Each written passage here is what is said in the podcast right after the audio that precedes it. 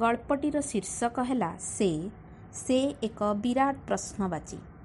ଲେଖକ ଆଶିଷ କୁମାର ମିଶ୍ର। ଏହାକୁ ଉପସ୍ଥାପନା କରିଛନ୍ତି ମନୀଷା ସାହୁ। ସେ ସେ ଏକ ବିରାଟ ପ୍ରଶ୍ନବାଚୀ। କିନ୍ତୁ ସେ ମୋ ଜୀବନରେ ଆସିବା ପରଠୁ ସବୁ ପ୍ରଶ୍ନର ଶେଷ ଉତ୍ତର ସେ।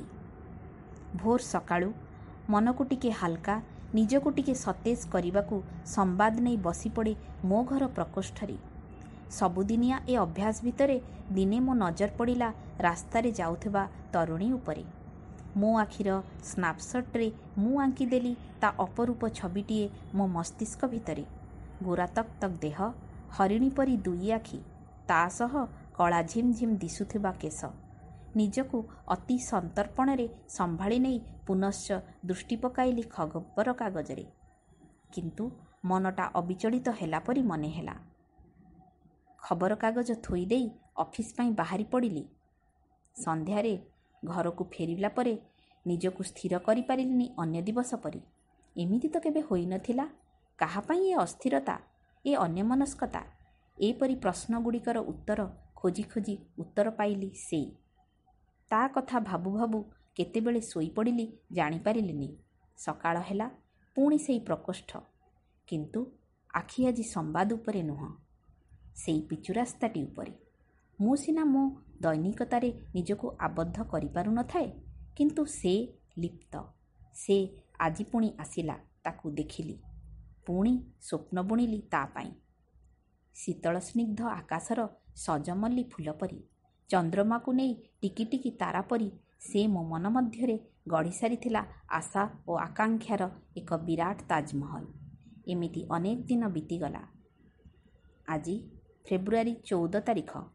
ସମସ୍ତେ ଆଜିର ଦିନଟିକୁ ନିଜର ପ୍ରେମୀ ପାଇଁ ଉତ୍ସର୍ଗ କରିଥାନ୍ତି ଖାସ୍ କରି ଯୁବପିଢ଼ି। ଗତ ରାତ୍ରିରେ ମୁଁ ନିଜକୁ ପ୍ରସ୍ତୁତ କରିଥାଏ। ଆଜି ଯେକୌଣସି ମତେ ତାକୁ ଯାଇ ମୋ ମନ କଥା କହିବି। କିନ୍ତୁ ଭାଗ୍ୟର ବିଡ଼ମ୍ବନା ଦେଖ ସେ ଆସିଲା ନାହିଁ। ମୋ ହୃଦୟ ତା ଠିକଣା ଭୁଲିଗଲା ପରି ମନେ ହେଲା। ଇଚ୍ଛା ହେଲା ରାସ୍ତାକୁ ଯାଇ ପଚାରିବି କି? କେହି ତାକୁ ଦେଖିଅଛ ବୋଲି? କିନ୍ତୁ ଭାବିଲି ଲୋକେ ପାଗଳ କହିବେ। ଆଜି ଆଉ ଅଫିସ ଯିବାକୁ ମନ ହେଲା ନାହିଁ।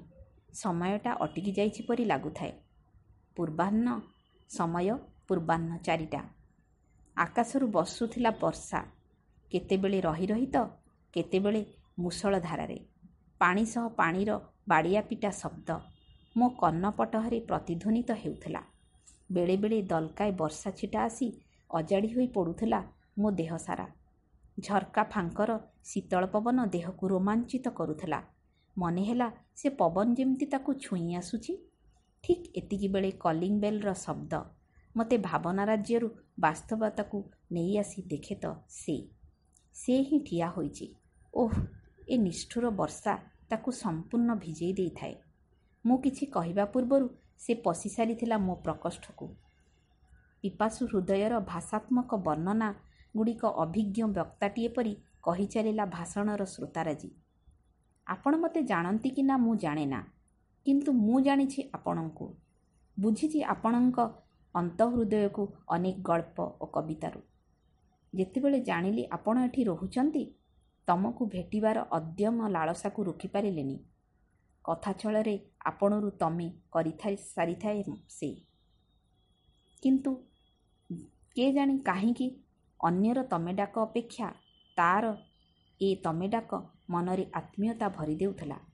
ମୁଁ ନିଜକୁ ବିଶ୍ୱାସ କରିପାରୁନଥାଏ ମୋ ନିରବତାରେ ବାଧା ଦେଇ ପୁଣି ସେ ଆରମ୍ଭ କଲା ଆପଣ କାହିଁ ଏମିତି ସବୁବେଳେ ଦୁଃଖ ଓ ପ୍ରତ୍ୟାଶାର କଥା ଲେଖନ୍ତି? ଆପଣ କ'ଣ ସୁଖର ସୃଷ୍ଟି କରିପାରିବେନି? ମୁଁ କହିଲି ମୁଁ ଦୁଃଖକୁ ଭଲ ପାଏ। ସେଥିପାଇଁ ତ ଦୁଃଖ ଲେଖେ। ସୁଖ ପାଇଁ ପ୍ରେରଣା ଦେବ କିଏ? ସେ କହିଲା ମୁଁ ଦେବି ପ୍ରେରଣା। ମୁଁ ଆପଣଙ୍କୁ ବହୁତ ଭଲ ପାଏ। ମୁଁ ଆବାକ ହୋଇଗଲି। ମୋ ନିରବତାରେ ସେ ପୁଣି କହିଲା କ'ଣ ଭାବୁଛ? ତମେ କ'ଣ ତମକୁ ଭଲ ପାଉଥିବା ମଣିଷକୁ ଭଲ ପାଇପାରିବନି? ମୁଁ କହିଲି ମୁଁ? ମୁଁ ବି ତ ତୁମକୁ ଭଲ ପାଏ। କାହୁଁ କେତେକାଳୁ ତମକୁ ମୋ ଗଳ୍ପର ନାୟିକା କରିସାରିଛି। ମୋ କବିତାର ପ୍ରତିଟି ପଂକ୍ତିରେ ତମକୁ ମୋ ବନିତା କରିଛି। ମୁଁ ଆଉ କିଛି କହିବା ପୂର୍ବରୁ ତା ହାତରେ ମୋ ଓଠକୁ ଚାପେଇ ଧରିଲା। ମୁରୁକି ହସିଟିଏ ହସି ଦେଇ କବାଟ ଖୋଲି ଚାଲିଗଲା ଆଉ କେବେ ଆସିବାକୁ କଥା ଦେଇ। ସେତେବେଳେ ବର୍ଷାଟା ଥମି ଯାଇଥାଏ। ମନେ ହେଲା ମୁଁ ଆଉ ସେକୁ ଖୋଜିବିନି ସେର ଚିନ୍ତା ବି କରିବିନି। ତମେ ହେବ ମୋର ପରିଚୟ।